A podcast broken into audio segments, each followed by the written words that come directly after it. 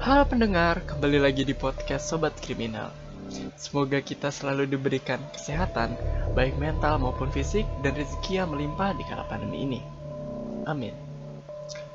Dan tak lupa juga dengan moto kita yaitu Learn about crime, not be criminal. Belajar kejahatan bukan jadi penjahat. Well, hampir satu bulan nih guys, kita itu nggak bertemu ya. Dalam pembahasan-pembahasan seru seputar kriminalitas dan penyimpangan juga di, di lingkungan, terutama di lingkungan Indonesia. Nggak ada habis-habisnya juga nih dirasa kasus permasalahan penyimpangan dan kejahatan seksual di Indonesia itu selalu menarik perhatian masyarakat dan sekaligus membuat kita juga jadi was-was gitu menjadi korban kejahatan seksual fenomena yang akhir-akhir ini tuh booming banget gitu masalah penyimpangan seksual juga ada fenomena fetishism dari Gilang yang belum lama ini terdengar banget sih dibawakan oleh media-media di dalam negeri baik media mainstream maupun media online pada kesempatan kali ini saya Han secara khusus akan membahas permasalahan fetishisme Gilang dan bagaimana perjalanan hukum di Indonesia tentang kasus kejahatan seksualnya. Yuk, kita masuk ke pembahasan.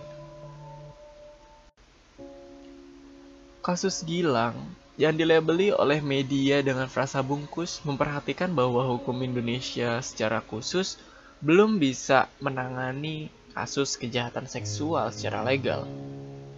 Kasus Gilang dari informasi yang saya kumpulkan yaitu berupa dari media dan berbagai sumber.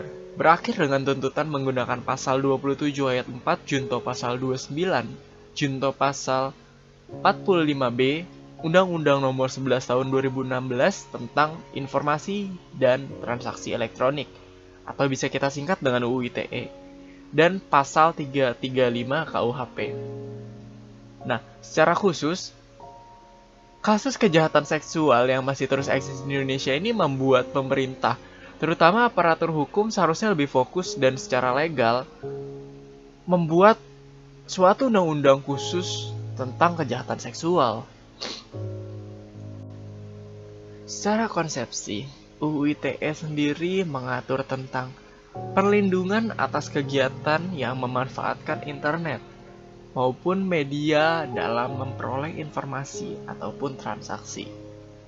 Mengutip pernyataan dari SafeNet atau bisa kita tahu dengan Southeast Asia Freedom of Expression Network dan Paku Internet atau Paguyuban Korban UITE menganggap beberapa pasal khususnya pasal 26, pasal 27, pasal 28, dan pasal 40 dari UU ITE itu sangat mudah untuk disalahgunakan. Kasus UU ITE sejak 2008 hampir setengahnya menggunakan pasal pencemaran nama baik sebagai dasar pelaporan. Namun, yang perlu diingat bahwa UU ITE itu sama sekali tidak mengatur tentang preventif maupun penanggulangan kejahatan seksual, terutama fetishism dalam kasus Gilang. Menurut perspektif kriminologi, terutama dalam sudut pandang crime policy, menurut Hofnagel, sendiri mengidentifikasi hal-hal pokok dalam kebijakan publik dapat dilihat dari arti luas maupun arti sempit. Kurang lebih sebagai berikut. Pencegahan dan penanggulangan kejahatan harus memenuhi tiga aspek utama dalam kebijakan kriminal, yaitu harus ada tujuan atau bisa disebut dengan goals, social welfare, dan social defense. Aspek social welfare dan social defense sendiri merupakan aspek yang paling penting untuk kesejahteraan maupun perlindungan masyarakat yang bersifat imaterial, terutama nilai kepercayaan nilai kebenaran, dan nilai keadilan. Lalu, yang jadi masih pertanyaan, apa sih social welfare dan social defense? Dan apa itu goals? Oke, oke. Jadi, uh, kita itu harus bahas dari satu persatu. Oke. Sebuah kebijakan itu harus mempunyai tiga aspek yang harus saling berkesinambungan dan tidak boleh saling bertumbang tindih satu sama lain. Artinya social welfare, social defense, dan goals itu harus satu jalan, nggak boleh saling timpa, menimpa. Goals berarti adalah seperangkat tujuan yang diharapkan tercipta saat kebijakan tersebut dibuat atau berlaku.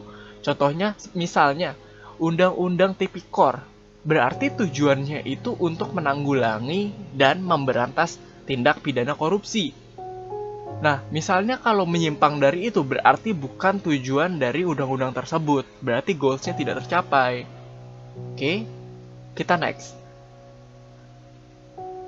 Ada social welfare dan social defense. Nah, ini hampir-hampir mirip, tapi pastinya beda. Nah, kita bahas dari social welfare.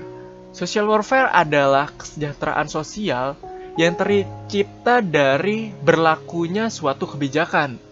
Istilahnya, apakah kebijakan tersebut itu menjawab permasalahan masyarakat? Misalnya, kalau menjawab pertanyaan dari masyarakat, berarti social welfare itu berhasil. Jika enggak, jika enggak berhasil nih, berarti ada yang salah dalam social defense-nya. Maksudnya, kita bahas aspek terakhir. Aspek terakhir yaitu social defense. Social defense artinya itu adalah perlindungan sosial. Maksudnya, apakah sebuah kebijakan itu berjalan dengan baik dan sesuai dengan social welfare atau malah membuat penyimpangan dalam pembentukannya sehingga implementasi kebijakan di masyarakat itu bermasalah. Seperti itu. Oke. Pencegahan dan penanggulangan kejahatan harus dilakukan melalui pendekatan integral, yaitu keseimbangan antara kebijakan penal yaitu kebijakan hukum dan kebijakan non penal yaitu non hukum. Nah, pencegahan dan penanggulangan kejahatan juga harus menggunakan sarana penal untuk melihat seberapa jauh masyarakat berpartisipasi dalam mewujudkan kebijakan tentang crime policy ini sendiri. Untuk pencegahan dan penanggulangan kejahatan dengan sarana penal atau sarana hukum, fungsionalitasnya itu dibagi menjadi tiga, yaitu tahap legislasi, yaitu tahap pengrumusan sebuah kebijakan, yudisial pengaplikasian kebijakan, dan administratif, yaitu pengimplementasian sebuah kebijakan. Lalu, ada satu aspek penting lagi yang bisa kita lihat dari crime policy, yaitu criminalization atau bisa dibilang kriminalisasi. Nah, kriminalisasi sendiri itu bagian dari kebijakan kriminal yang menggunakan sarana penal. Jadi, kriminalisasi itu adalah sebuah tindakan atau penetapan suatu perbuatan sebagai perbuatan yang dapat dipidana. Jadi, kriminalisasi adalah rum, uh, paling gampangnya kayak gini.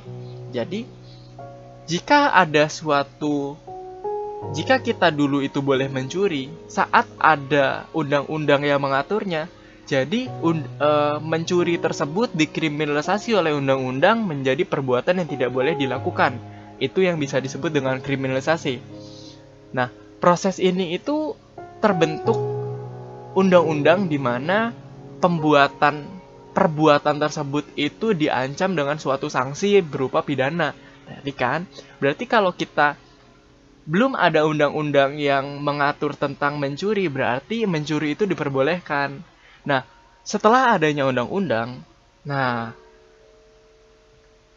tindakan mencuri tersebut itu dikriminalisasi dan mendapatkan tindakan pidana sebagai tindakan yang melawan hukum.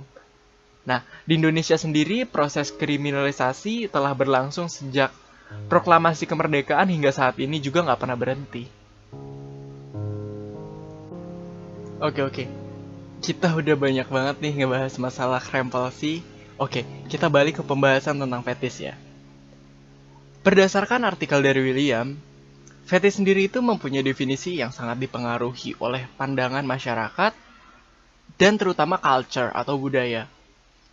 Pendefinisian tentang penyimpangan juga hadir karena berbagai faktor, terutama faktor nilai atau kepercayaan yang bisa disebut juga philological value dan faktor historis.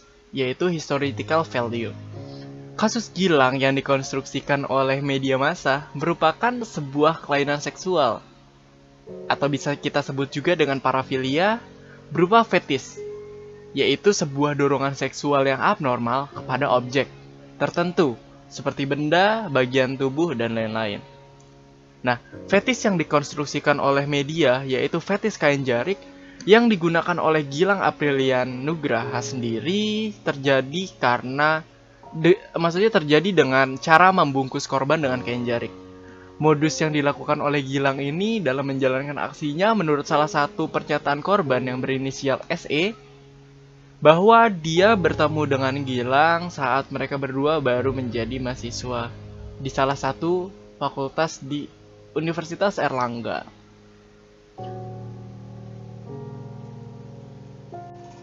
Walaupun gitu ya, dalam kasus ini yang menurut gue itu perlu digarisbawahi terutama dalam peraturan perundang-undangannya nih adalah tentang kepastian hukumnya tentang kasus kejahatan seksual. Ironisnya gitu loh, sampai saat ini itu belum ada secara spesifik peraturan perundang-undangan yang mengatur tentang kejahatan seksual. Walaupun ada upaya negara yang serius gitu kan untuk menanggulangi kejahatan seksual di Indonesia menggunakan bisa dibilang undang-undang rencana penghapusan ya, penghapusan kekerasan seksual atau bisa disebut juga RUU PKS tuh yang masih berbentuk rancangan sampai saat ini. Namun perlu diingat bahwa kepastian hukum saat menghadapi kasus kejahatan seksual ini itu menjadi nggak ada saat emang undang-undangnya itu belum ada. Dalam tuntutan yang dijerat kepada Gilang, dalam kasusnya yang menjadi kurang tepat adalah keputusan kepolisian untuk menjerat Gilang menggunakan UU ITE. Penjeratan Gilang dengan UU ITE itu sangat menggambarkan bahwa negara itu terutama ya, terutama aparatur hukum itu masih belum cukup serius untuk betul-betul menggodok dan mengesahkan undang-undang khusus kejahatan seksual gitu loh.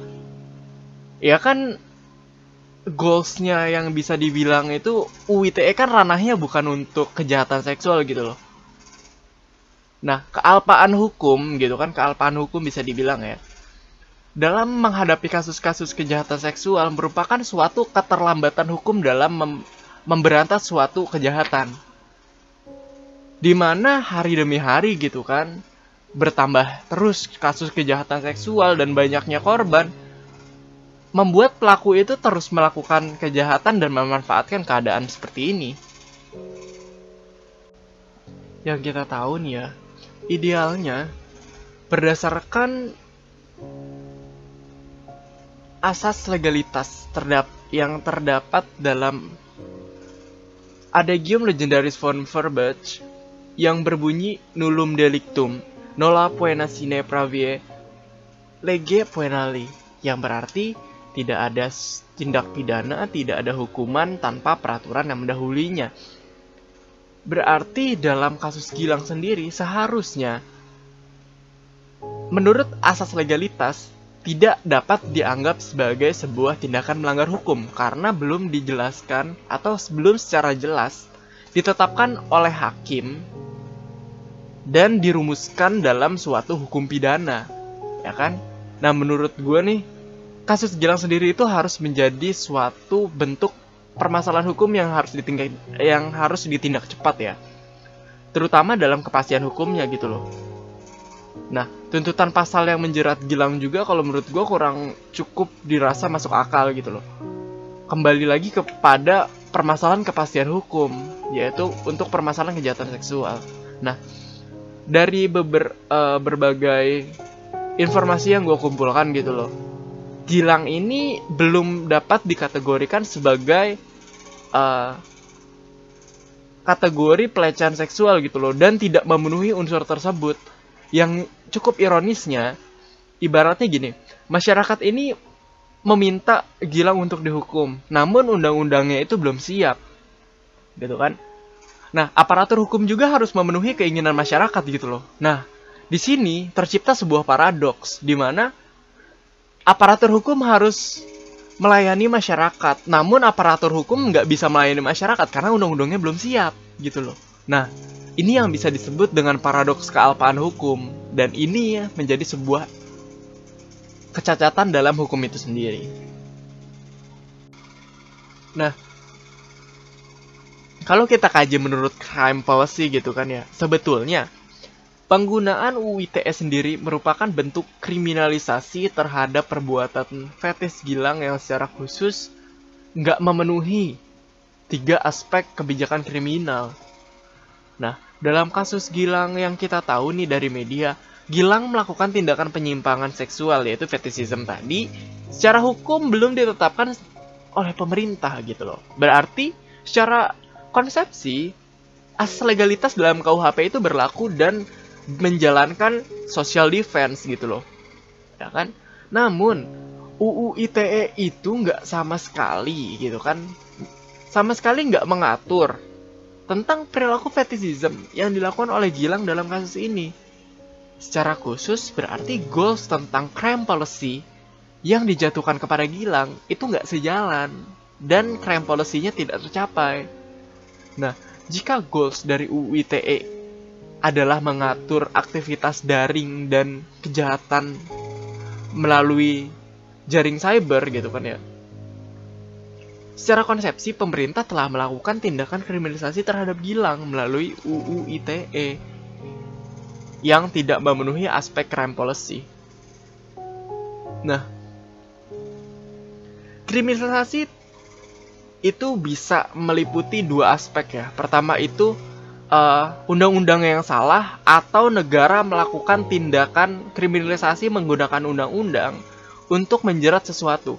Berarti dalam hal ini, crime policy itu bisa mengkaji bahwa negara juga bisa salah dalam melakukan dan merevisi sebuah hukum. Seperti itu. Nah, jadi saat uh, tadi kan udah gue bilang di awal gitu ya, saat uh, social defense, social welfare dan social eh dan goals ya, sorry. Jadi social welfare, social defense dan goals itu sejalan, berarti crime policy-nya berjalan saat crime policy-nya itu saling tumpang tindih berarti social defense, social welfare dan goals-nya itu nggak sejalan berarti bisa dikategorikan sebagai negara melakukan negara atau produk hukumnya melakukan kriminalisasi terhadap sesuatu gitu loh terhadap sesuatu. Bisa aja perbuatan maupun subjek hukumnya kayak gitu Nah, dalam kategori ini negara juga bisa salah saat merevisi hukum maupun menjalankan hukum itu sendiri. Nah, dari penjelasan di atas, gue berkesimpulan dalam sesi ini. Walaupun secara norma ya, kita itu nggak bisa bilang Gilang itu melakukan tindakan yang baik gitu loh. Tindakan Gilang, ya kan? Kita juga dihadapkan dengan kenyataan bahwa belum ada nih peraturan secara spesifik mengatur tentang kejahatan seksual yang malah menghambat cita-cita bangsa gitu loh. Ya kan? Atas terjadinya sebuah kealpan hukum dalam menanggulangi kasus-kasus kejahatan seksual gitu. Nah, ini yang seharusnya menjadi dorongan besar dalam pengesahan UU PKS oleh negara, terutama saat negara itu serius untuk menghadapi kejahatan seksual secara nyata. Kayak gitu. Nggak terasa banget ya pembahasan kita saking serunya kayak gitu. Ternyata kita itu udah di penghujung pembahasan gitu loh. Terima kasih juga nih buat para pendengar yang udah mengikuti pembahasan sampai akhir. Jika kalian belajar hal baru dari podcast ini gitu ya, jangan lupa untuk mengikuti kita di Spotify ya agar agar nggak ketinggalan podcast terbaru dari Sobat Kriminal. Semoga bermanfaat juga nih bagi diri sendiri dan orang lain ke depannya. Kita semua berada di derajat yang sama untuk menjadi korban dan harus selalu waspada karena kejahatan itu ada di sekitar kita. Oke, saya Han pamit undur diri. Belajar jahat bukan jadi penjahat. See ya!